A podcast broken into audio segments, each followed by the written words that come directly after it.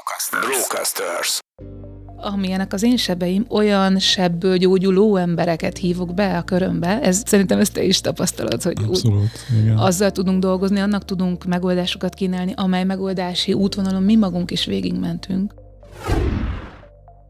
csak csináld, csak csináld, és elég jó vagy, és hogy nem fogod magad tudni ki gondolkodni a frusztrációból, csak kicselekedni, csinálással tudod magad a nehézségből kiszedni, és igen, elég vagy, és jó lesz, amit csinálsz, és ne aggódj, hogyha máshol is megjelenik az az ötlet, mert ahogy te tudod, olyan senki nincs hogyha én bemertem oda világítani a lélek sötét bugyrébe, és onnan dalnak való anyagot felhozni, vagy tananyagnak való struktúrába rendezett gondolatsort, vagy cselekvéssort, akkor, akkor azt nekem tovább kell adnom, és nekem sikerből jutott, elég, meg fog is jutni, de én most szolgálni szeretek, vagy szolgálni is szeretek legalább annyira, mint önkifejezni. Üdvözöllek! Ez itt a Karizma Podcast magabiztosságról, tudatosságról és fejlődésről. Szólóadások és inspiráló beszélgetések, hogy felfedezd és használd a benned rejlő karizmát. A mikrofonnál Boja Imre.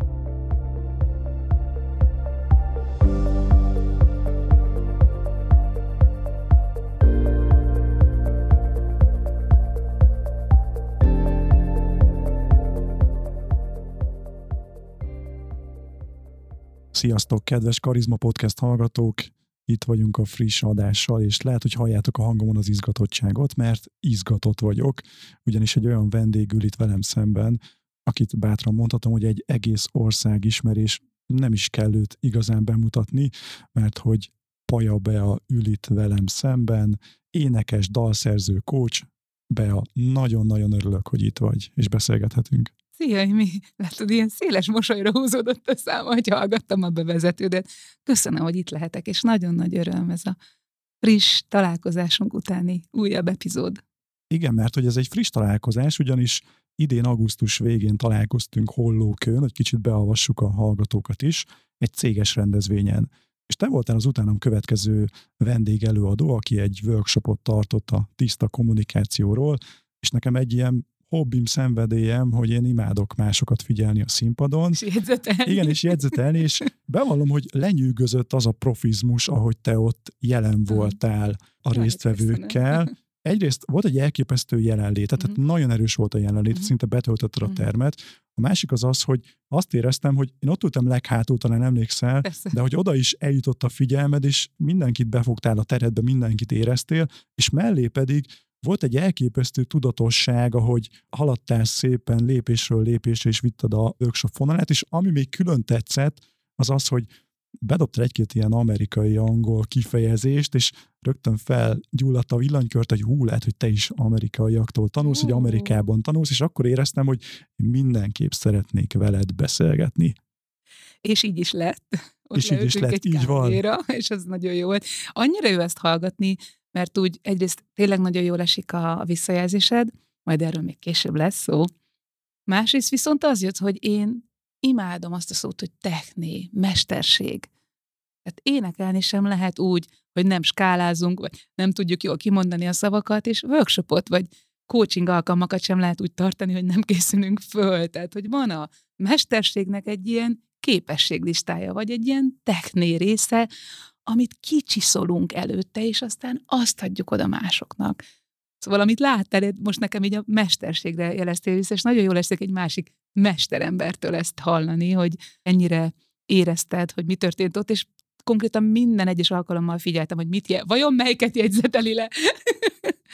De ez egy picit, ahogy beszéltél, talán áldásos szakmai hozzadik a másik szakmámnak, az énekesinek, Carnegie Hallman annyi ember ül, vagy a műpában, 1500.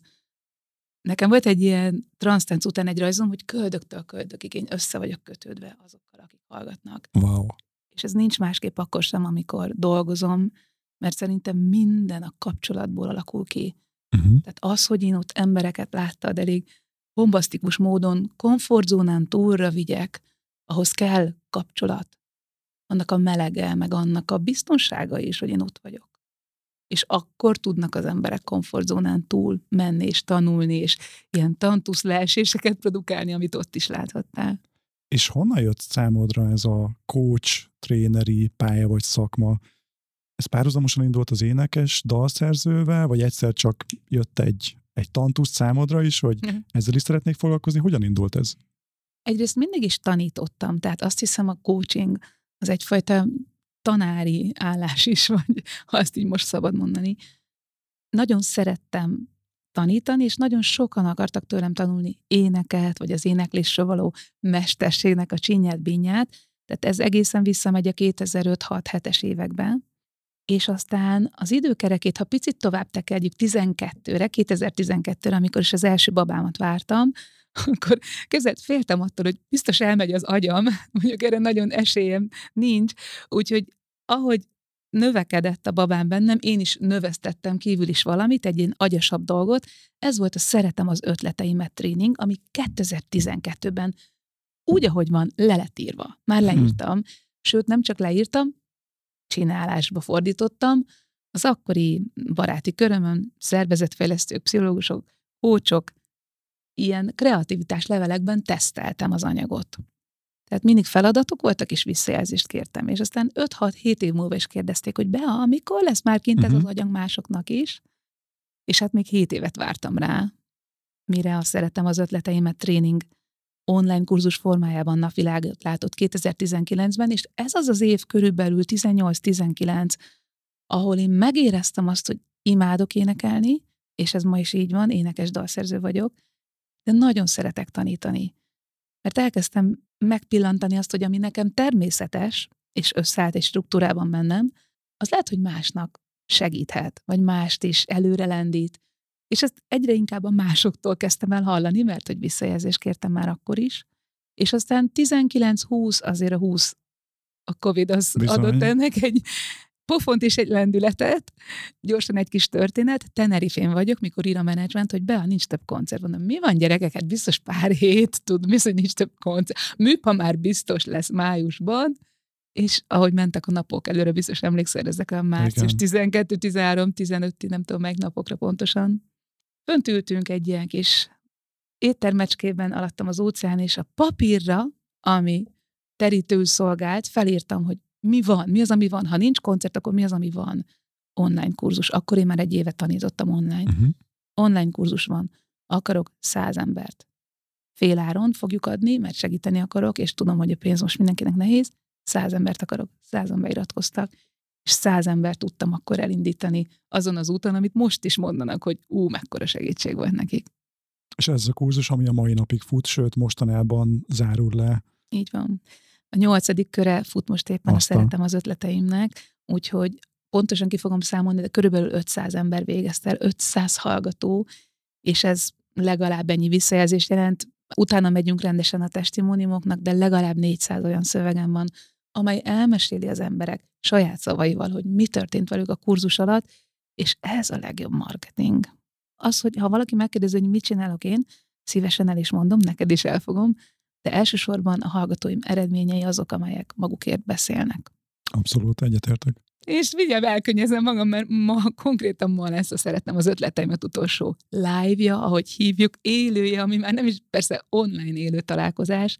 Ma zárjuk ezt a csoportos munkát együtt, ezt a hat hetet, és nagyon-nagyon csodálatos dolgok történtek. Tehát az angol azt mondja, hogy insane, egy kicsit őrült tanár vagyok, mert mindig kétszer annyi anyagot adok meg. Nem is anyagot, hanem figyelmet, tartalmat, egyéni visszajelzést. Uh-huh. Hiába ez egy sok embert mozgató formátum, most 65-en voltak a kurzusban, aki nekem ír minden, a hétközben is válaszolok videókkal, amit kérdeznek tőlem, felvetéseket, reagálok rá, tehát hogy ez egy tulajdonképpen egyéni processzekkel átszőtt csoportos munka. A kicsit átérünk itt az inszénre és az angol kifejezésekre. Mi beszéltük ezt személyesen, hogy te nagyon sokat tanulsz különböző amerikai előadóktól, trénerektől. Megneveznél esetleg néhányat, illetve érdekelne, hogy tőlük konkrétan mit tanulsz, miben járnak ők előtted? Kis történettel kezdek. Tavaly októberben, 21 októberében lement a koncertszezon, tehát ú, túléltük a Covid-ot koncertszezon, tehát picit többet játszottunk, de azért ú, még akkor még vállaljuk el október 2-re is. Ott álltam október 10-e körül, hogy what's next, azaz, hogy mi a következő lépés. Volt egy ilyen kicsit sötét hangulat, azt éreztem, hogy kell nekem egy jó mentor. Illetve nem csak én éreztem, hanem Vera, a társagyam, bal és jobb oldali féltekém egyszerre, a Pajabel produkció ügyvezetője, imád Vera, szerelmi vallomás élőben, tehát Vera is azt mondta, hogy ah, be, kéne neked egy jó mentor most. És a párom, partnerem is azt mondta, hogy szerintem kéne neked egy jó coach. És akkor én már dolgoztam az Evan Pagannel, meg az Annie Lallával, igazából azon a bizonyos Tenerife utazáson, uh-huh. hogy hogy sem az ő Facebook live-jukra kattantam rá, és valahogy nem véletlenül történnek ezek a dolgok, és aztán az Ebennel, meg az Annie-vel mentem egy évet, nagyon sok ingyenes tartalmat is csináltak, három napos reinvent kurzus, Love Dojo, amik ma már fizetős tartalmak, de Igen. akkor fejlesztették, és én is ennek a törzsnek a tagja voltam, és valahogy rajtuk keresztül hozzá keveredett az, az e-mail boxomba egyszer csak landolt Marisa Murgatroyd, egyik videója, és így néztem, hogy ki ez a csaj. Kicsit vágott szemű, félig táj, félig amerikai nő. Elképesztő szenvedéllyel és okossággal beszélt, egy kicsit gyorsan, még nálam is gyorsabban, wow, wow ez, ez vagy kokain volt, én nem ismerem ezeket a dolgokat, de volt egy ilyen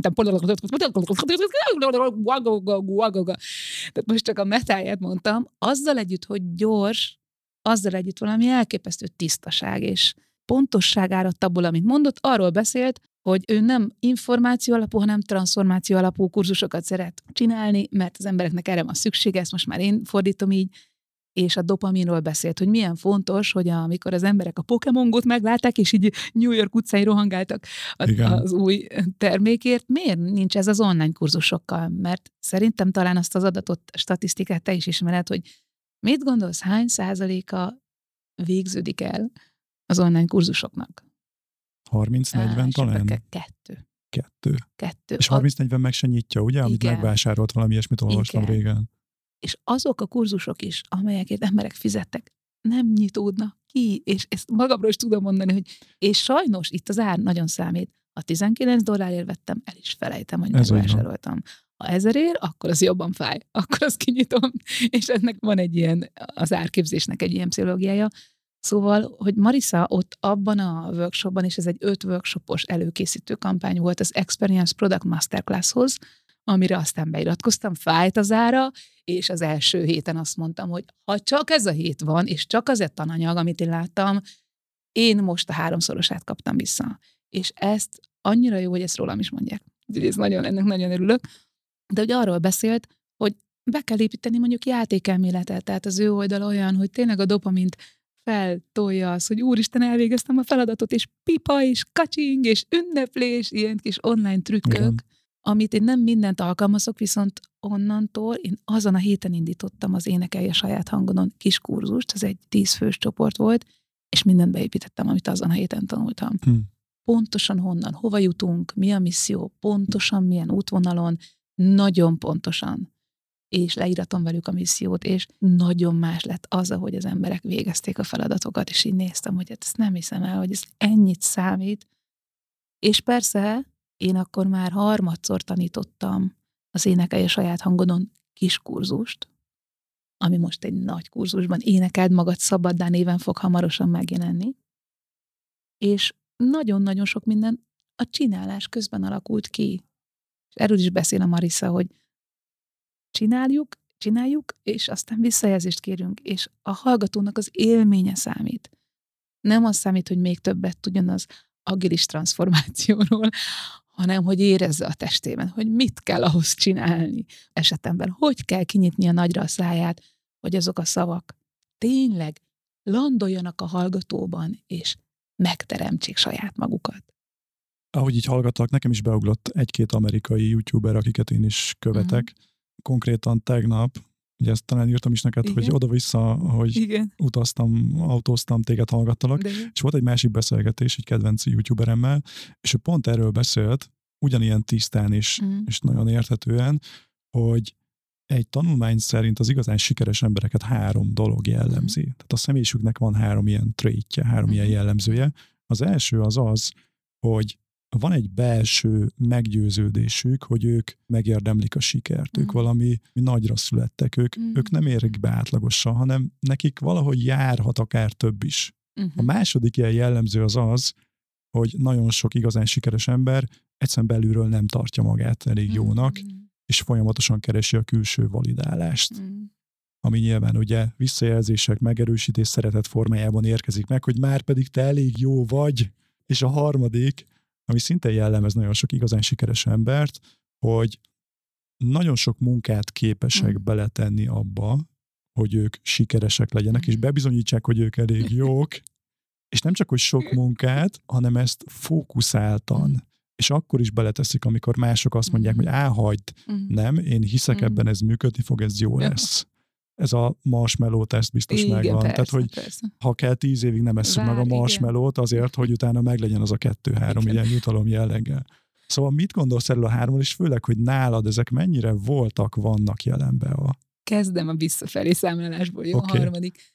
Ha valamit hát dolgozni, én azt nagyon tudok. Tulajdonképpen csak azt tudok. Tehát nagyon sok munkám van abban, hogy néha ne dolgozzak, vagy ahogy Bozsogi Diabarátnő mondta, hatékonytalan legyek.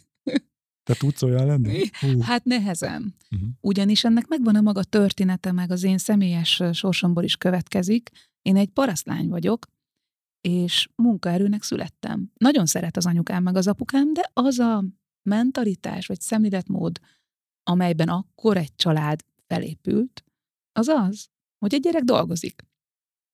Tehát én emlékszem, amikor kapálás, gyomlálás közben félve megkérdeztem, hogy elmehetek-e egy táborba maradjál itthon, fiam, nagyon sok munka van a kertbe. Tehát, hogy én kiskoromtól dolgoztam, ami valahol, na, tényleg nagyon szeretnek a szüleim, de ez, de ez, ez így volt természetes, hogy a gyerek dolgozik. Tehát én megtanultam dolgozni. Minden nehézségnek van jó meg rossz oldala. Parasztlányként mondhatok egy metaforát, mi trágyáztuk a talajt, a tehénszart tettük bele. A mhm. talajba ahhoz, hogy abból aztán erősebb paprika vagy szebb nőjék, oké, okay, nem tudtam pihenni, meg kisgyerekkorom óta hajtanak, viszont nagyon tudok dolgozni. Tehát a hármas pont az abszolút igaz rám. Aki egyébként hozzám jön tanulni, az elsősorban arra készüljön, hogy az ott csinálás van, tehát tőlem ezt lehet megtanulni, a uh-huh. pihenést, mástól kell tanulni. Akkor ez nem egy mindfulness kurzus, amit te tartasz. Nem, de Márki Ádám szerintem zseniális ebben, úgyhogy Abszolút. menjetek Ádámhoz. Szóval tőlem ezt lehet megtanulni. A csinálásnak ezt a szentségét, és én azért az igét használom, nem a tevékenységet, mert a csinálás, hogy csinálom, hogy jusson eszébe a, a szó közben az embereknek az ige, hogy csinálok valamit. Hogy ilyen mindennapi módon mit csinálsz ahhoz, hogy ez és ez az eredményed legyen, mit csinálsz. Uh-huh. Tehát a hármas az abszolút igaz rám a kettes, hogy elég jó vagyok-e. Nem tudom mi, mi, hogy a coaching életműven, meg a podcastos megjelenéseim mellett mennyire nézted meg a dalos életműveimen, de mindegyik erről szól. Konkrétan a Covid alatt született az igen, aminek nagyon-nagyon ez a gondolat van az alján, hogy elég vagyok-e, eleget adok-e, mi van akkor, ha megfoszt az élet a saját tevékenységemről egy időre? Akkor mi marad? Mi marad pajabeából, ha nem csinál semmit? Értékesnek gondolja magát, mindjárt elsírom magam én is, nem nézek rá, ide nézek, terelek, szóval el tudom-e azt a gondolatot fogadni már lassan, így 46 évesen, hogy pusztán az, hogy én itt a földön vagyok, az egy érték. És ugye én nekem van két kislányom, eszembe se jut ezt a kérdést föltenni velük kapcsolatban. Tehát nem kell ahhoz csinálni semmit Lének és Panninak, hogy ők értékek legyenek számomra. Hát így fogom a kis nyakát, meg a, mm. jaj, de cuki, van lába, van haja, hát egy, és ezt magammal kapcsolatban sokkal nehezebb volt megtanulni, hogy én akkor is érték vagyok, amikor csak vagyok. És most ezt úgy nehezebb tényleg így könnyek nélkül mondani, még mindig ennyi idősen is, hogy terapeutám egyszer azt mondta, hogy a mondat, nem dolgozom, mégis vagyok. Hmm. Nem a gondolkodom, tehát nem dolgozom, mégis vagyok, mert ha valamit, én dolgozásból állok, vagy álltam eddig, do, munkából álltam, és az is egy nagy elmozdulás volt, hogy megtanultam nem csak az időmet eladni, hanem az értékemet is, meg a, abba a fél órába befektetett tíz évet, amit én fél hmm. órában odarakok egy, egy coaching alkalommal. Ez is hosszú út volt. De hogy ez az elég vagyok, ez, ez abszolút megtalált. És most már elég vagy? Figyelj, mi elegebb, mint eddig, és ez is mozdul. Nagyon érdekes ponton beszélgetünk, mert picit érzékenyebb, olyan triggerelve voltam tegnap, hogy angolosan mondjam, szóval sok olyan esemény történt, ami megpiszkált egy-két régi sebet. Tegnap voltam tíz éve anya. Wow. tíz éve, az az a nagy lányom tíz éves születésnapja volt, és ez, ez hozott nagyon sok érdekes érzékeny uh-huh. dolgot, vagy az érzékenységem úgy a felszíre került, így az elég vagyok kérdéshez ez úgy kapcsolódik, hogy ilyenkor az is eszembe jut, hogy elég jó a szülinapi buli, elég boldog a lányom, elég jó volt a lovaglás, tudod, tehát, hogy Igen. Szóval annyi minden van, és hogy elég jó vagyok én, mint egyedülálló anya, és coach, és business owner, és énekes, és dalszerző. Szóval nyilván ez, ez így egyszerre sok tud lenni, de a kérdésedre most már inkább igen a válasz. És ezt úgy jó is most ugye a te figyelmeden keresztül a világba kikürtölni, hogy elég, elég vagyok. És egyébként ebben nagyon sokat segít a tanítás, mert hogy rendre, amilyenek az én sebeim, olyan sebből gyógyuló embereket hívok be a körömbe, Szerintem ezt te is tapasztalod, hogy Abszolút, úgy, igen. azzal tudunk dolgozni, annak tudunk megoldásokat kínálni, amely megoldási útvonalon mi magunk is végigmentünk és az elmúlt hat hétben a 65 tanítványomnak szerintem csak naponta ötször mondtam el, hogy csak csináld, csak csináld, és elég jó vagy, és hogy nem fogod magad tudni ki gondolkodni a frusztrációból, csak kicselekedni, csinálással tudod magad a nehézségből kiszedni, és igen, elég vagy, és, és jó lesz, amit csinálsz, és ne aggódj, hogyha máshol is megjelenik az az ötlet, mert ahogy te tudod, olyan senki nincs, te valahogy különálló vagy, és ezt én bátran mondom mindegyik hallgatómról. És az első, mi is volt az első? Segíts most. Az a... első az, az a belső meggyőződés, Be, hogy siker. te nagy dolgokra vagy hivatott, nagy dolgokat érhetsz el, ez, neked ez járt, ezt megérdemelheted. Mm. Ezt elérheted. Olyan kettős voltam ezzel, hogyha kettős érzések jelentek meg bennem, hogy hallgattam ezt. Én erről nem voltam meggyőződve. Én erről nagyon sokáig a külső megerősítések tengerében lettem, csak egy picit tudatosabb, csak egy, uh-huh. mindig egy picit évről évre egy, egy, egy kicsit jobban, de nagyon kellett az a külső, kívülről jövő szeretés, amit szerintem, hogyha százból száz színpadi embertől megkérdezel, akkor, ha őszinték elmondják, azért mentünk színpadra, hogy szeressetek, szeressetek. Tehát nekem a világot jelentő deszkák az, az hat évesen került a talpam alá, és a nagy lépésem az az volt, hogy onnan leléptem, hogy úristen, a világ a színpadon jelentő deszkán túl van. 30 évesen elkezdtem utazni csak a semmire. Akkor egy mexikói fiúval jártam, és mondta, hogy menjünk el Mexikóba, de ugyan már az én karrierem és a koncertjeim, mit csinálunk ott Mexikóba? You know, just doing nothing. What? Mit? A semmit csinál, csak semmit nem csinálunk. De nekem a karrierem meg és lőn öt hétig Mexikóban, a Szipolitei tengerparton fújtam a kavart, megnéztem a kígyókat, meg a bálnákat, és ott valami megfordult, tehát az egy nagyon-nagyon fontos pontja volt az életemnek, akkor voltam 30 éves, és egy olyan ember, aki mindig is a színpadon volt, onnan lejönni, és hogy van azon túl is élet. És azért ebbe sokan belehaltak már, most a lányaim éppen a Michael Jacksonra kattantak rá. Most megmutattam nekik a band, meg a uh-huh. Greatest Showners, meg ezeket a régi uh-huh. Jackson dalokat. És hogy elképzeltem, hogy a, a Jackson öt évesen ment előre színpadra, a Pannika most hat éves panikámat, tehát elbögöm magam, ha panikámat a showbizniszbe beengedem heti négy koncertre, én tudom, ez egy óvodás kislány, hát ez kibírja ki észszel. Tehát most már azért okosabb a showbiznisz is, tehát sokkal nagyobb hangsúlyt fektetnek a színpadi emberek az önismeretre például, vagy visszavonulnak, van egy ritmusa egy mm-hmm. év mhm. turné után, két év szünet. És én is, nekem az a 30 éves körüli váltás, az azért volt ilyen fontos, mert mert rájöttem, hogy úristen, nem csak az van, és tudtam, hogy egyszer anya leszek. Tudtam, hogy szeretnék partnert, érdekel a szerelem, a szexualitás, nem csak az éneklés, amit máig imádok, és a, olyan nekem, mint a levegő. De szerintem én ott alapoztam meg a, az anyaságomat, uh-huh. 30 körül, még arra kellett várni 6 évet. Szóval, hogy az eredeti felvetés az az, hogy meggyőződésem volt az, hogy nekem jár a siker, meg lesz-e, az én válaszom az, hogy nem, és ez nagyon hosszan alakult ki. Inkább úgy mondanám, hogy nagy volt a tét. Nagy volt a belülről kikívánkozó lábának a hőfoka, meg a mozgás energiája, szóval ki akart az onnan törni. Azt biztos tudom állítani. Az, hogy ezért engem szeretni fognak, meg jár nekem a siker, work in progress. Tehát, hogy még most is dolgozom ezen. Említetted ezt a hatalmas lávát, ami ott van mm. benned, ami ki akar törni, vagy mm. olykor ki is tör abszolút érzem rajta az első pillanattól fogva, hogy ott láttalak előadni, és mellé érzek egy nagyon magas fokú érzékenységet. Tehát te nagyon tudod érezni az embereket, és nem így négy szem közt is nyilván, de akár 30-50 száz lehet, hogy több ezer embert is. Hogy tudsz ezzel a kettővel napi szinten működni. Gondolok itt arra, hogy azért ez fárasztó lehet szerintem. Imi, szakmai szerelmet kell neked bajnak. Ó, ilyet még úgyse kaptam. Nagyon-nagyon köszönöm a kérdést, tehát ez így a szívem mélyébe jön. Könnyes is lett a szemem, pedig igyekeztem visszaszívni.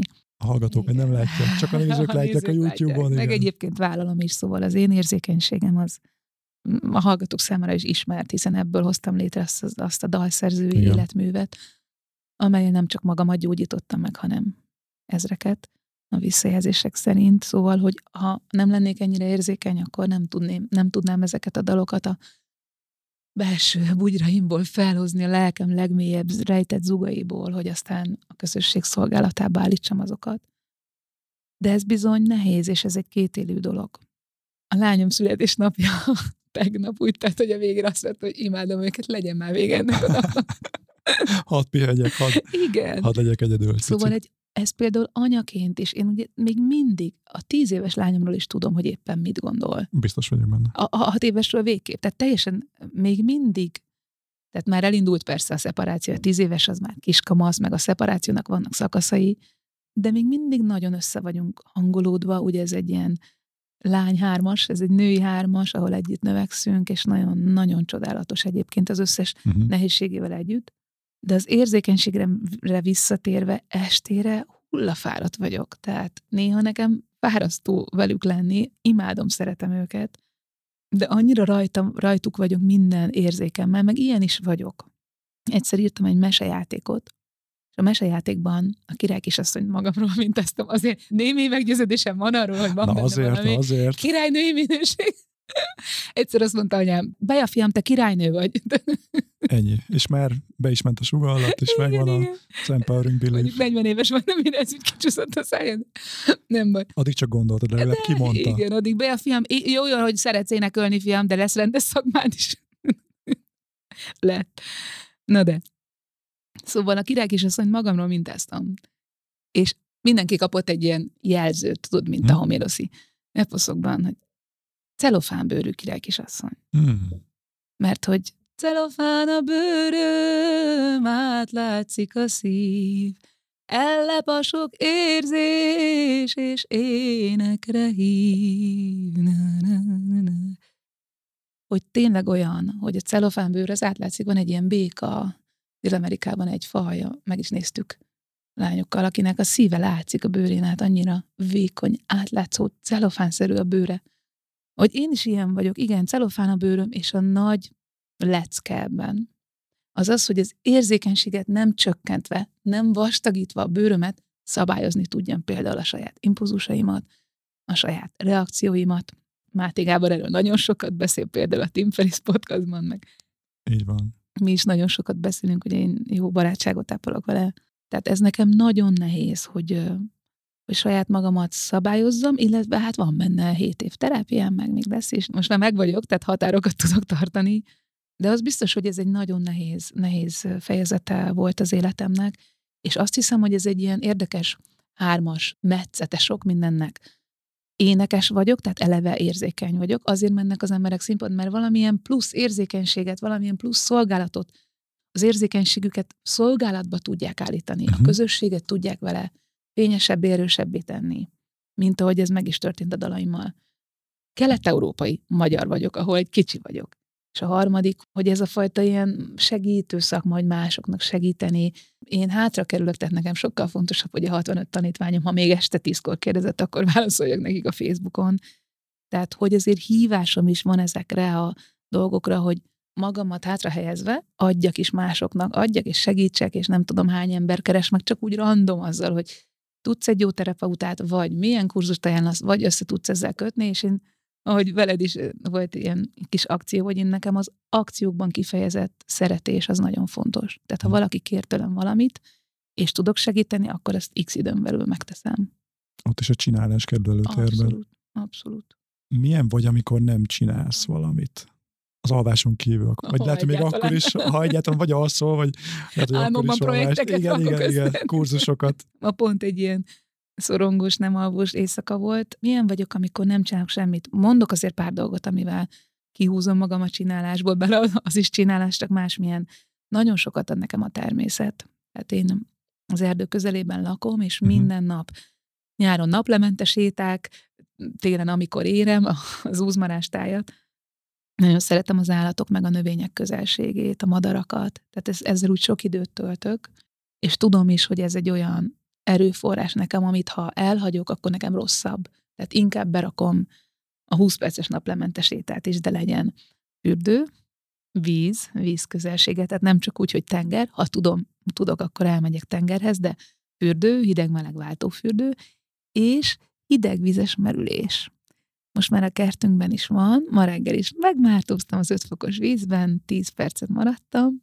A kutyafáját az a Tony Robbins-nál is látott ilyen merülő medence? Lehet, hogy ő, ő is csinálja, azt nem is nála, tudom, hogy ő nála Ezt. Én a, hogy is, a szex felől közelítettem. Egyszer az egyik szex tanárom Kim, ami beszélgetett Wim Hoffal ezelőtt nagyon sok évvel, 5-6 év, 5 évvel, és Wim Hof mesélt erről a jeges merülésről, és én is fázós voltam, és úgy elkezdtem, meg volt a, egy, egy dalszerző barátom, a, a Gabi az Peti, hogy jó, hát akkor kezdjünk el papucsba, strandpapucsba sétálgatni az uzmarába. És lőn, és ez most már négy éve van így, hogy én nem hordok kabátot, nem cipőt is ritkán, nagyon jó kis de is csökkenni, szóval jó, jó nem akarom az ezt idehozni, de abszolút egy ilyen nagyon kis gazdaságos működése lett a testemnek, és a dopaminnal kapcsolatban Marisát már emlegettem. Amikor reggel merülünk egyet, akkor utána az a dopamin szint az fönnmarad. Először olyan, hogy hú, hú, hú, hú, hú, nyugodt légzés, fák, madarak, és ez a dopamin szint, ez fennmarad nap végéig. Este tíz körül, ha órám kezdődik, ott kell egy kicsit még masszírozgatni ezt a kérdést, de, de alapvetően az, úgy, az úgy elindítja a napot. Tehát ez is kérdésed, hogy mikor nem, milyen vagyok, amikor nem csinálok semmit. És hát van még azért az éneklés közben van egy ilyen átnyúlás egy illékony birodalomba, ami nem mondom, hogy nem csinálás, de egy másik tudatállapot. És onnan, ha én oda átmegyek, már pedig koncerten átmegyek, onnan visszatérve az itten élet sokkal színesebb és érdekesebb, és akkor erre nekem így hetente van lehetőségem. Szex, az is egy nagyon-nagyon fontos igen, ha jelen vagyunk, akkor az sokkal jobb tud Igen, lenni. az egy nagyon fontos gyógyító elem, és nem csak, most nem olcsó, tudod, nem deréktől lefelé, hanem szívből, és, és egy nagyon, egyébként pont ugyanaz a pszichológiai, mint a, az éneklésnek, hogy átmegyünk egy illékony, nem itteni birodalomba, ahogy Pirinszki mondja, hogy befogadjuk hmm. a befogadhatatlant az Elég című versében, tehát hogy az egy ilyen az egy másik világ, és azért kell oda átmenni, hogy utána onnan visszatérve a fa fább, az asztal asztalabb, a víz az vizebb, az imi imibb. Tehát van a dolgoknak egy ilyen minőségi változása. És én ezt játszom ezekkel a dolgokkal, hideg víz, éneklés, légzés, légzés munka. És mellette üzletasszony is vagy, mert mm. hogy erről is beszéljünk. Igen. Ugye Mariszától rengeteget tanulsz. Hogy néznek ki baja be a üzletasszonynak a mindennapjai. Jó, az este tizet már előbb behozta. Igen, igen. Szóval ez azért most egyszerre két-három élet, és azért, mm. azért székenység is kap egy, kap egy kihívást. Napközben általában tananyagokat fejlesztek, vagy tanítok.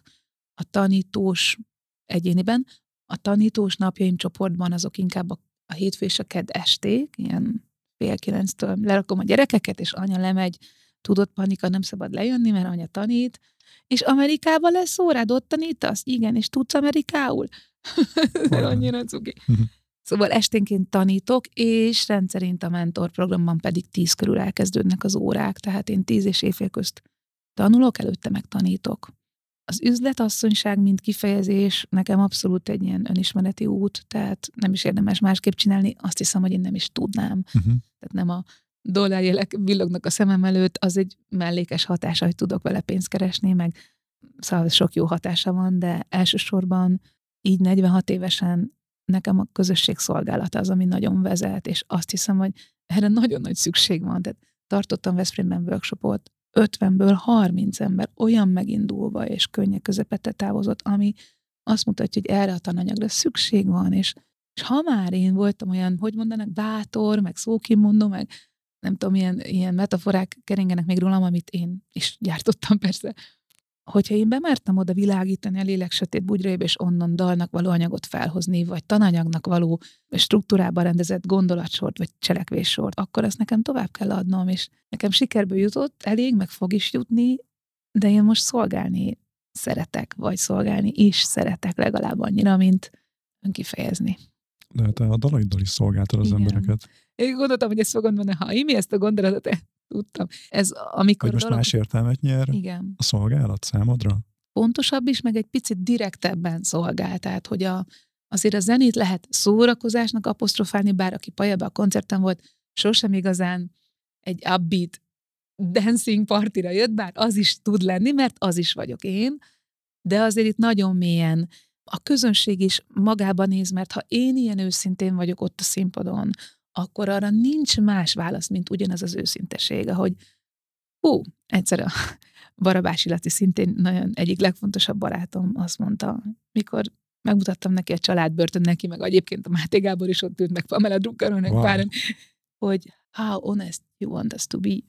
Szóval hát én annyira akarom, hogy őszinték legyetek, amennyire én azt tudok lenni abban a pillanatban. Egyébként van egy Nina Simon videó pont ezt mondja, csak ő kicsit tudod így beszél, hogy én olyan kegyetlenül őszinte vagyok ott abban a pillanatban, hogy ugyanezt kell csinálni a hallgatónak is. És én is egy kicsit ilyen vagyok, nem csak a cigányvér, nem csak az extremitás, hanem az a rengeteg munka, amit én magamon végeztem és fogok is végezni, az az, ami az emberiséget előre viszi. És ilyen szempontból van küldetés tudatom, inkább ez ilyen tudatom van, sem mint sikertudatom, de azt is gondolom, hogy ha ilyen módon segítek embereknek, az pedig sikeressé fog tenni. Tehát én annyira őszinte vagyok ott, és akkor dalszerzőként, énekesként is hozzáteszem, kócsként is, meg tanárként is, amennyire csak tudok. Természetesen figyelek, hangolodom, nem mindig rontok ajtóstul a házba, de azt azért szerintem rólam lehet tudni, hogy érdemes egy ilyen fajabe a readiness fokozatot így. Bocsánat, ezt, hogy ezt, ezt fejtsd ki, mert beszéltünk az adás előtt erről, de hogy ez, ez mit jelentett? Hogyan értjük ezt? Értsék a hallgatók. Én azt hiszem, hogy az a legfontosabb eleme a munkámnak, hogy onnan a magrészből hangot adni az autentikus énnek. Ez az én szupererőm, hogy vokalizálni, hangot adni a saját autentikus énünknek. Ha én odaállok egy céghez, és ott nem a saját hangjukon szólnak az emberek, én azt azonnal látom, és azonnal érzem. Tehát aki velem akar dolgozni, azt a, vizsgálja meg a Pajabáredines fokozatát. Mert én se tudok olyanokkal dolgozni, akiknek azt mondjuk, hogy figyelj, van az az önismeret nevű dolog, tudod, hogy hatott rád az, hogy anyukát simogat, tényleg jó, hogy Ez nagyon fontos, szerintem ez tök jó, hogy ezt elmondjuk.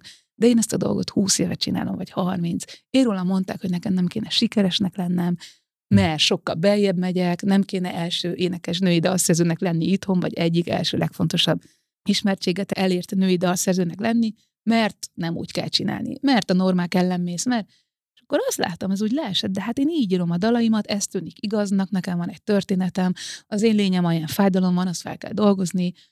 Akkor látom, ez olyan leesett olyan 2010-es évek közepén, hogy megállt a turnibusz egy benzinkúton, és csak úgy rápillantok az újságos tanra, hogy ilyen pszichológiai olyan Forbes címlap, az önismeret a biznisz része, és akkor úgy tök jó, én ebbe vagyok tíz éve, ez nem engem dicsér, hanem egyszerűen én erre vagyok jó, vagy hogy mondjam, én nekem ez a szupererőm, én mindig is a kimondott szó igazának, én nagyon nagy jelentőséget tulajdonítottam akár énekelt szónak, akár kimondott szónak, uh-huh magyar népdalokon Vörös Sándor József Attila verseken nőttem föl.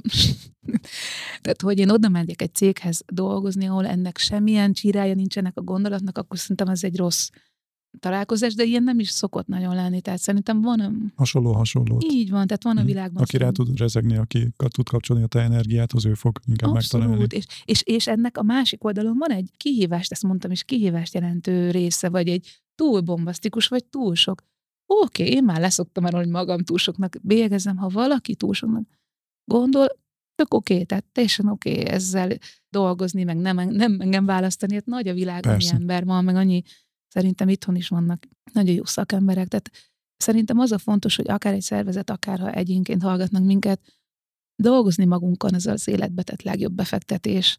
Ezt most szülőként is mondom. A gyerekeinknek akkor teszünk a legjobbat ha ugrunk az időben előre mondjuk öt évet, hmm. mit fog csinálni, paja be, amivel fog foglalkozni, hogy telnek majd a napjai öt év múlva. Mm. Egyáltalán hol telnek? Magyarországon? Mm. Aj, mi már megint a szívem közepébe belekérdezel. Nem biztos, hogy Magyarországon telnek. Nem biztos, hogy Magyarországon telnek. Nagyon jó laptopom lesz, mert on, on a digitális nomád életmódhoz egy jó MacBook. Az... Igen, abszolút egy jó MacBook az nagyon fontos, és az online kapcsolódásnak, ha most tudok millió technikáját, a milliárdot fogok.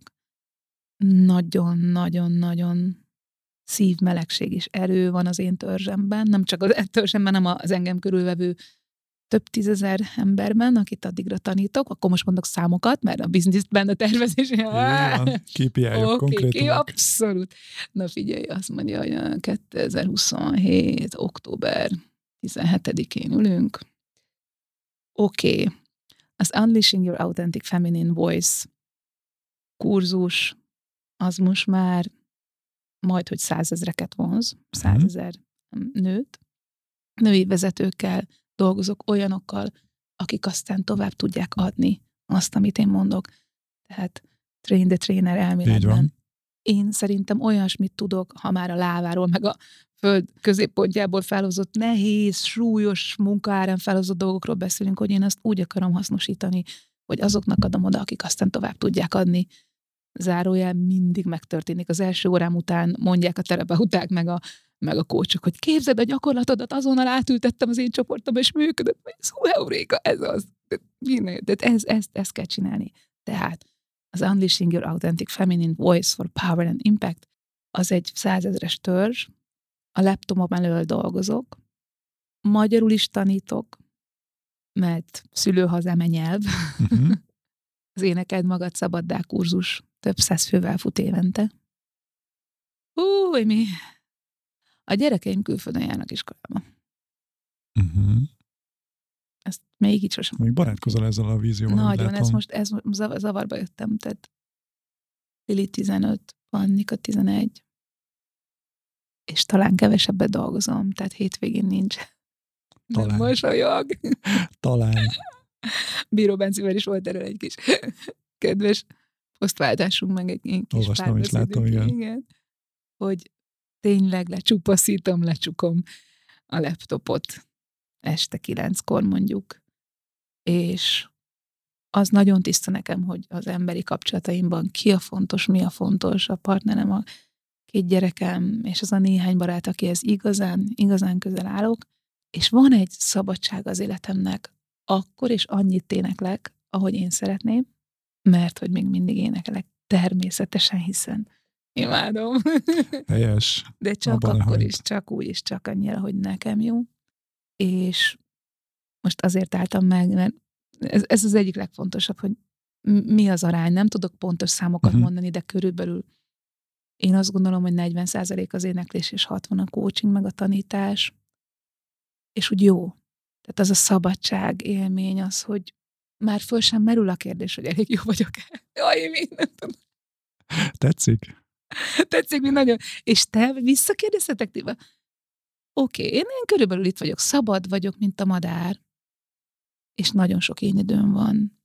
Elmegyek a tengerhez, amikor akarok, és, és a gyerekeimmel is annyi időt töltök, amennyit, hmm. amennyi jó nekem, meg nekik. Szerintem ez egy nagyon szép vízió. Ámen. Legyen így. Új, Sőt, így lesz. Mit művelsz te itt? Én csak feltettem egy egyszerű kérdést. És mi az, amire nagyon bólogattam? Láttam, hogy így hogy nem engem a, sokan. Igen, egyrészt más meg a szabadság szó, az nekem is egy ilyen, egy ilyen pozitívan vett nyomó gomb. Hogy megtalálni a szabadságot a mai mm. világban, ahol igen. persze nagyon sok idézőben kötöttségünk van, meg kell felelni dolgoknak, de mégis igen. legyünk szabadok. Szerintem ez egy, ez egy nagy kihívásom nekem is személy szerint, hogy hogy tudok szabad lenni. Annyira jó, hogy ezt felhoztad, meg annyira örülök, hogy visszamertem kérdezni, mert láttam a szemeden, hogy úristen, ott nagyot igen. pillantál, igen. Közben a szabadság az olyan nagyon szép érték, mindenki szabad akar lenni, persze. Egyrészt, másrészt, hogy kell szabadnak lenni, ugye jön a hogy, mit kell csinálni ahhoz, hogy szabad legyek, és ez egy paradoxnak tűnik, de a csinálásban van a szabadság, a rendszerszerűségben, a konzisztenciában, a napról napra végrehajtott akciókban, akár pici akciókban, az algoritmikus, automatizált részekben. Tehát a szabadság az nem, nem káosz, Én nagyon sokszor dolgozom a, ezt elmondom, ez lehet, hogy, hogy érdekes lesz neked, és ezt még nem meséltem. A tananyagaimnak szerves része, de én végzettségem szerint etnográfus vagyok. Uh-huh. Én néprajzszakon végeztem, és az egyik kedvenc könyvem volt Arnold van Genep, az átmeneti ritusok című könyve. 65-ben írtam, törzseket, falvakat vizsgált, uh-huh. beavatási ritusokat, esküvőket. És csak nagyon egyszerűen hozom ide a szerkezetét annak, amit ő írt, hogy minden átmeneti ritusnak, ami szerintem ma nagyon hiányzik. Tehát nézem a bachelor part, hogy bebasznak, bocsánat, abban semmi átmeneti ritus Igen. nem látok, hozzáteszem a lánybúcsúk is így néznek ki, sem, nem, nem tudom már amelyik. Minden esetre én szerintem a rítusoknak nagyon-nagyon fontos szerepe, hogy tagolják az időt, vagy ha olvastad Eliádét, a Szent és a Profánt, hogy azonnan kiemelkedik a térből és uh-huh. az mhm. időből egy, egy rítus. Az más, mint a normál idő, meg a normál létezés. Az, és azáltal, hogy ez nem kilóg a normálisból, az, az, az, az egy ritmust ad az életnek, a karácsony, a gyertyagyújtása, mm. a reggeli rutin, ezek mindezt szolgálják. Amit Van Genep leírt visszatérve az elméletre, egy hármas szerkezetet ad az átmeneti ritusnak. Eleje, bemenet, közepe, amit én káosznak neveztem, őszintén nem emlékszem, hogy hogy, hogy mi, mm-hmm. hogy hívja ő, de majd újraolvastam, és a kimeneti fázis. És gyorsan elmondok három jellemzőt mindegyikhez. A bemenetben leválok az előző én állapotomról. A mennyasszony elénekli, hogy köszönöm, anyám, hogy felneveltél. Megköszöni neki, elbúcsúzik, tudja, hogy az az én része már nem lesz többé. Én az első szülésemnél nagyon keveset beszéltem az X óra vajudás alatt. Az egyik az volt, hogy félek, hogy ami voltam, az már nem leszek. Uh-huh. Aztán jön a káosz. Ott semmi nem az, ami. Minden átalakul. Érzelmek. El kell bírni azt a nehézséget. Látod, a barakát tele van ilyen, ilyen ritusokkal. Meg szerintem ezért isznak ma az emberek. Én egyébként meggyőz, én nem iszok, nem szerezek, ne, van meg más tudatmódosító szereim, és elég radikális vagyok ebbe. Csináljátok, ha akarjátok, szerintem vannak, vannak ennél 21. századi modernebb cuccok, mint jegesvíz, meg szex, meg éneklés. Na de, káosz, ahol semmi nem az, ami, és minden összekavarodik, és sok érzelem, és ki vagyok én, anyám lánya, férjem feles, ki leszek én? És az exit fázisban, a kimeneti fázisban, a közösség előtt megerősítem az új énemet, a mennyasszony piros ruhát ölt a fehérből, tehát van egy ilyen szimbolikus igen. lekövetése, vizuális igen, vizuális, szimbolikus, tárgyi lekövetődése ennek a változásnak, és elénekli egy mennyasszony fektető gyertyás tánc, és elhálják az éjszait. Szóval, hogy jön a következő életszakasz. Ez, ez így nagyon szép, de ma Ez egy transformáció gyakorlatilag, Abszolút, nem? Ez, ez a transformációnak egy nagyon-nagyon fontos, fontos szerkezeti váza. Uh-huh. Én arra jöttem rá, hogy nekem minden dalszerzés egy ilyen transformáció volt. Hmm. Nagyon érdekes volt, mikor erre rájöttem, ez olyan, mikor jöttem rá, négy-öt éve. De hát én ezt élem, hát minden egyes dal megszületésénél, ilyen volt a hívlak téged a tükör, a szabadon, a szaladós, mindegyik. Na de hát, ha én ezt le tudom érni, vár, várjunk csak, ha én ezt meg tudom csinálni, ezt meg tudom tanítani másoknak is, hogy ezt hogy kell. Azt mondta Hasányi Bence, jó, jó, bead, de neked van egy teremtőerőnek. Tudom, Bence, meg tudom, de akkor is ha jó a struktúra, meg jól el tudom mondani, meg jók a gyakorlatok, akkor más is tud ilyen önátalakító, transformatív éneket írni magának. És ez most csak az énekes kurzus anyagáról mondom, uh-huh. de egyébként ugyanúgy bennem van a VIP coaching anyagamban, meg a szeretem az ötleteimben.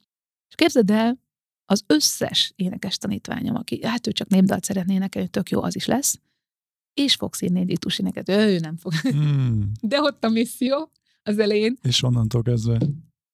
Ha igen, mondtál rá, akkor ezek és ezek az utak, ez nézd, a madártávlatban ez az utunk, és ide fogsz eljutni, ha megírod a dalt.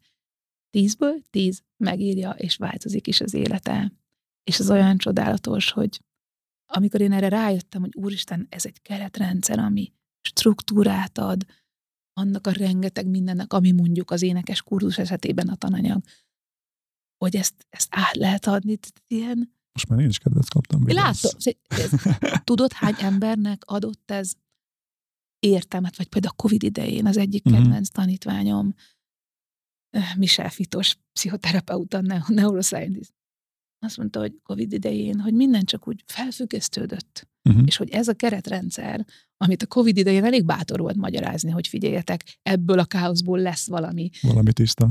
Tehát, vagy a Peter Levin Mátigában, mint hogy meg lehet ebből gyógyulni, hogy ennek, ha hajlandó vagy megpillantani a kimeneti útvonalat, ha csak hajlandó vagy elképzelni egyáltalán, hmm. akkor van kimeneti útvonal, meg lehet gyógyulni, vagy egy covidos helyzetből, egy kaotikus állapotból van kivezetődés. Ez nagyon sok ember életét változtatta meg a tanítványaim körében. Látom, hogy villantál egyet. Igen, abszolút. Egyrészt majd megbeszéljük, hogy mikor jön a következő kurzusod, mert most már ez a ritus ének engem is nagyon izgat, függetlenül attól, hogy nem érzem azt, hogy én énekelnék, de Szerintem Pont, ezt gondoltam, hogy mindenki elmondja. Én vagyok az ideális, ideális részéről ezáltal. Perfect, oké. Okay. Viszont még, sőt nem is azt mondom, és, hanem neked is készültem be a néhány villám kérdéssel. Jaj, de izgi. Ugye a Karizma Podcastban azért sokat beszélünk a kommunikációról uh-huh. is, és emiatt rögtön kérdezek téged is, hogy mi az a kommunikációs trükk, eszköz, amit gyakran használsz, és nem szívesen osztanád meg, nem hiszem, hogy neked van ilyen, de mégis De most, van. De van! Hát ha van, akkor itt a tökéletes alkalom, hogy ezt megozd a kedves hallgatókkal. Az első, amit javaslok, az Igen Facebook csoportomban, Igen Pajabe a közösség van egy kommunikációs szabályzat, az 7 pont, abban a fél életművem benne van. Hogy hogyan kell kommunikálni, aki szeretne velem dolgozni, lépjen be és olvass el a kommunikációs szabályzatot. Továbbá, kettő konkrét technikát kiemelnék, amiből te láttál, és egy kis csipet nyitott azon a bizonyos céges eredményen. Az egyik a figyelem sugara, amelyet egy mozgásos önismereti módszerből pároltam le, autentikus mozgás a módszer neve, egyikünk mozog, másikuk figyel. Uh-huh. Oké, okay, ez így önmagában szép, de hogy a figyelemnek a, az élesített minőségű megjelenésében tényleg ki tudnak bontakozni olyan mozdulatok, amik korábban soha, és aztán egyedülálló szülőként amikor láttam, hogy csak le kell ülnöm a sarokba, és figyelnem a lányaimat, és milyen tornyok, és milyen rajzok születnek, akkor megvoltam, okay. hogy a figyelem az teremtő erővel bír. Tehát a figyelem sugarazás, én minden előadásomban figyelem sugarazok. Erre emlékszem, ez megmaradt, ott is fel is írtam. Ez volt az egyik dolog, amit felírtam a kis jegyzetfüzetembe. Mindig. Mindig okay. figyelem sugarazok, és az emberek két visszajelzést adnak, hogy úristen, nem szokták meg, hogy két percig valakire figyeljenek, és ne kezdjenek el saját sztorit mondani, ne kezdjenek el kérdezni, és azt sem szokták meg, hogy két percig figyelmet kapnak. Tehát van, aki zavarban jön tőle. Bizony. És nem ritka visszajelzés az, ami ott, az, ami ott is történt, hogy úristen, két perc alatt annyi mindent beszéltünk, mint négy év alatt soha. Emlékszem, és volt több ilyen. Nagyon. Ez, megint, hát na, ezért éri meg. Figyelem sugara. Meg egyébként előadóként az gyönyörű, hogy előadok az embereknek, és összefordulnak, és utána vissza, visszafordulnak, és egy másik mozit nézek, tehát ilyen fényesek a szemek, ilyen, ó, tele van élettel a terem, és az így olyan, na, jaj, és akkor így, így csinál a vállam, hogy uh, ha csak ezt viszik ma haza, ez én. Akkor már megérte. Nagyon jó. A másik, egy emeltebb szint, azt, azt azért csak a VIP coaching csoportomban szoktam tanítani, ez az imágó dialógus, amelyet Harvey és Helen Hendricks dolgozott ki egyébként párterápiában, hát elképesztő eszköz. Mi is elkezdtük használni a partneremmel, nagyon sok veszekedésből jöttünk ki nagyon jól, de aztán elkezdtem behozni finoman, először elkezdtem behozni tanításba. És annak az első eleme a visszatükrözés, ugye emlékszel arra is, Igen. hogy pontosan visszamondani azt, amit a partnered mond, a, a beszélgető partnered mond. Ez is olyan, jött az ellenállás, hogy olyan nem így szoktuk, meg fura. Hát persze, azért csináljuk. Én nekem meggyőződésem, hogy tulajdonképpen az embereket meg kell tanítani jól beszélgetni. És az imágó dialógus az erre egy nagyon tényleg furcsa, tényleg nem így szoktuk beszélgetésforma. Uh-huh. Négy része van, visszatükrözés, összefoglalás, érvényesítés és az érzelmek tárgyalása, és nagyon konkrétak a szerepek, tehát küldő van és fogadó. Tehát az egész egy ilyen nagyon furcsa szabályozott uh-huh. izé, de működik. Van egy kedvenc tanítványom, Müller Gyula, szoftvermérnök, dalszerző, azt mondta az egyik technikámra, és erre is igaz, elég nagy hülyeség, de működik. És az a lényeg, a nap végén ez számít. Igen. Tehát, hogy elég furcsán éreztük uh-huh. magunkat ott a visszatükröződésnél, mert ha én pont visszatükrözöm a te szavaidat, akkor te azt érzed, hogy nem indul be az, az én fordítógépem, hanem úgy megérzed, hogy ah, átértek. Rám hangolódik a másik, rapport alakul ki, és már egy Másfajta kapcsolódás, mint korábban. Másfajta mhm. kapcsolódást, uh-huh. mint korábban csináltam most a végén. Igen. Gyerekekkel zseniális. Szuper. anya éppen főz panikön, anya, nézd meg, micsoda gesztenyét találtam, ó, micsoda gesztenyét találtál, és, és megy, mert azt érzi, hogy meghallották, érvényes, amit mond, és megy tovább az útjára. Szuper. Mi az a hiba, amit leggyakrabban el szoktál követni? Sokat adok, túl sokat néha, és elfáradok a végére. Igen, ugye erről beszéltünk is, Igen. hogy ez, ez ilyen tud lenni. Ha csak egyetlen egy dolgot mondhatnál, egyetlen egyet, akkor szerinted minek köszönheted a sikeredet? Mm, a hangomnak. Mennyire triviális. Szinte. Volt az egyszavas poszt, tudod, most én azt írtam ki. Hang. Perfect. Ha lenne egy óriási hirdetőtábla az országban, akkor mit íratnál rá? Fordítsd az ujjad magad felé. És nem másokra mutogass, ugye? Tananyagom, úgyhogy most nem impró volt, de ez, ez az egyik szintén ilyen mag, mag tananyag, hogy miattad, meg miattad, meg miattad, mert a rendszer, mert a Covid, mert a... Nem, nem, nem. nem. Fordítsd az ujjad magad felé. Mi az, amiben hiszel, és mások azt mondják rá, hogy de be az őrültség. A jeges vízben merülni, és tíz percig nézni az udvarástájat. Oké, okay, én nem mondom, hogy őrültség, sőt. És az utolsó kérdésem, sőt utolsó előtti, hogy van-e olyan idézet vagy mondat, ami meghatározza az életed, ami egyfajta mantrád? Vagy ha több is van, akkor többet is szívesen meghallgatunk. A szikla, ha rávésed jajodat, többé nem szikla, élő te magad, és föllébben a fellegekbe. Például Vörös Sándor harmadik szimfóniája kívülről, az összes, mind a három rész. Önmagában a vörös költészeten engem nagyon bebarázdált, és, és valahol meg is alkotott szerintem a pszichialbum. Uh-huh. Szintén 30-as éven, har, konkrétan 30 éves koromban csináltuk Grillus Samuval. Mint fürdőző combját a halsúroltas tovalib bent, így néha megérezheted önnön magadban Istent. Félemlék a jelenben is később, mint az álom, és az öröklétet ízleled még innen a halálon. Wow. Ilyenekkel van tele a fejem. Ezek elég meghatározóak. Értem. Igen, hát a vörös sem. Tehát szerintem vörös Sándor Redines is kellett volna, ha valaki ma őt akart Hozzáírjuk, hozzáírjuk. És az utolsó kérdésem az, hogy bár most is nagyon sok mindent megosztottál velünk és a hallgatókkal, szerintem ők is nagyon sokat tanultak, mm. hogyan lehet még tőle tanulni be, amint kóstól, trénertől, mm. mondj nekünk néhány módot erre. Az Éneked magad szabaddá nagy kurzus, nagy, mert négyszer hat hetes, és egész éven áthúzódik. Január 1-én indul. Uh-huh. Mhm. 2023. január 1-én egy offline eseménnyel, de az egész kurzus elvégezhető online. Négyszer hat hét online uh-huh. tananyag van, és közte lesznek rítusok, éneklős rítusok. Uh. Ilyennel indul az év, és énekeld át magad életed legjobb évében, január 1-én, és aztán másodikától minden hétfőn találkozhatnak velem azok, akik beiratkoznak. Most indítjuk majd a jegyvásárlás meg az értékesítést. Uh-huh. Igyekezni kell, mert nagyon sokan jelezték már az igényt. Gyorsan elmondom csak, hogy mi a négy rész. Az első az ének és a beszéd öröme és szabadsága. Uh-huh. A második rész a testben lakó hang. A harmadik rész a hang és a szexualitás. Uh-huh. És a negyedik rész, imádom, az átmeneti ritusok belső éneke, ahol megírjuk a saját dalunkat. Így épül föl a kurzus, előre felvett tananyag, elég vaskos, és minden hétfőn én tartom a live coachingot, lehet tőlem kérdezni és sokat énekelni, és még mielőtt kérdezni, ugye üzleti podcast, meg az üzleti élet szereplőivel is dolgozom, meg dolgozunk, énekre és beszédre is jó, mert a hang, az ének és beszéd is én egy gyökerűként tárgyalom. Uh-huh. Nem pont ugyanazok a gyakorlatok, de ahogy mondtad, hogy félek énekelni, nagyon sokan félnek, ez is a tananyag része. Tehát nem kell tőlem megijedni, nem az a cél, hogy a Carnegie Hallban bemutassuk a szerzeményünket, uh. de akár az is lehet, ha valaki uh. ilyen célra. Uh-huh. Tartok profiknak és professzionális énekeseknek is kurzus, az nem ez. Ide elsősorban azokat várom, akik a saját hangjukon keresztül a saját autentikus énjüket meg szeretnék fogalmazni és a világnak odadni vocalize your authentic self, ez az én szupererőm, és ezt tudom megtanítani másoknak. Tehát ez egy egyszerre önismereti rétegeket is érintő, de a hang konkrét csinálásán keresztül, a hangmunka, az éneklés, a hangjátékok csinálásán keresztül jutunk le ehhez a réteghez. Mindig a csinálás van. És még egy dolgot, az Unleashing Your Authentic Feminine Voice február 20-án indul újra. Szuper.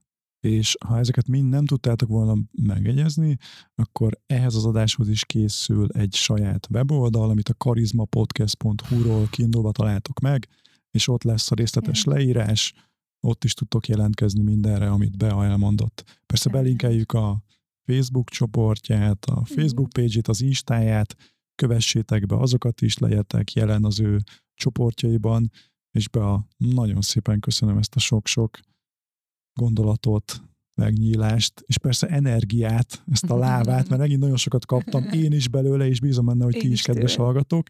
Nagyon örülök, hogy itt voltál és beszélgethettünk. Én köszönöm, Imi, hogy itt lehettem, és a hallgatóknak is a figyelmet, a szeretetet, ami a kamerák túloldalán elír hozzám, és megint kislányos mosolyt és könnyeket csalt el a szemembe, csak úgy, mint a beszélgetésünk elején, hogy ilyen szívem közepébe kérdéseket kaptam tőled meg, hogy ilyen szépen elmondod, hogy hol lehet tőlem tanulni, és egy külön weboldalt lefejlesztesz ennek. Egy... Én nagyon szépen köszönöm a megtisztelést, meg a, meg a szeretést. Én köszönöm. És köszönjük szépen nektek is, kedves hallgatók, hogy itt voltatok. Keresem még a szavakat, remélem hamarosan majd megtalálom. Legyen csodás napotok. Ha még nem iratkoztatok fel a Karizma Podcastra, akkor szerintem most az ideális alkalom, hogy megtegyétek. Tadá!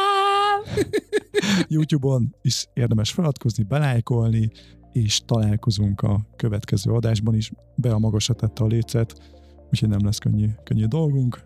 Addig is a legjobbakat kívánom mindenkinek, sziasztok!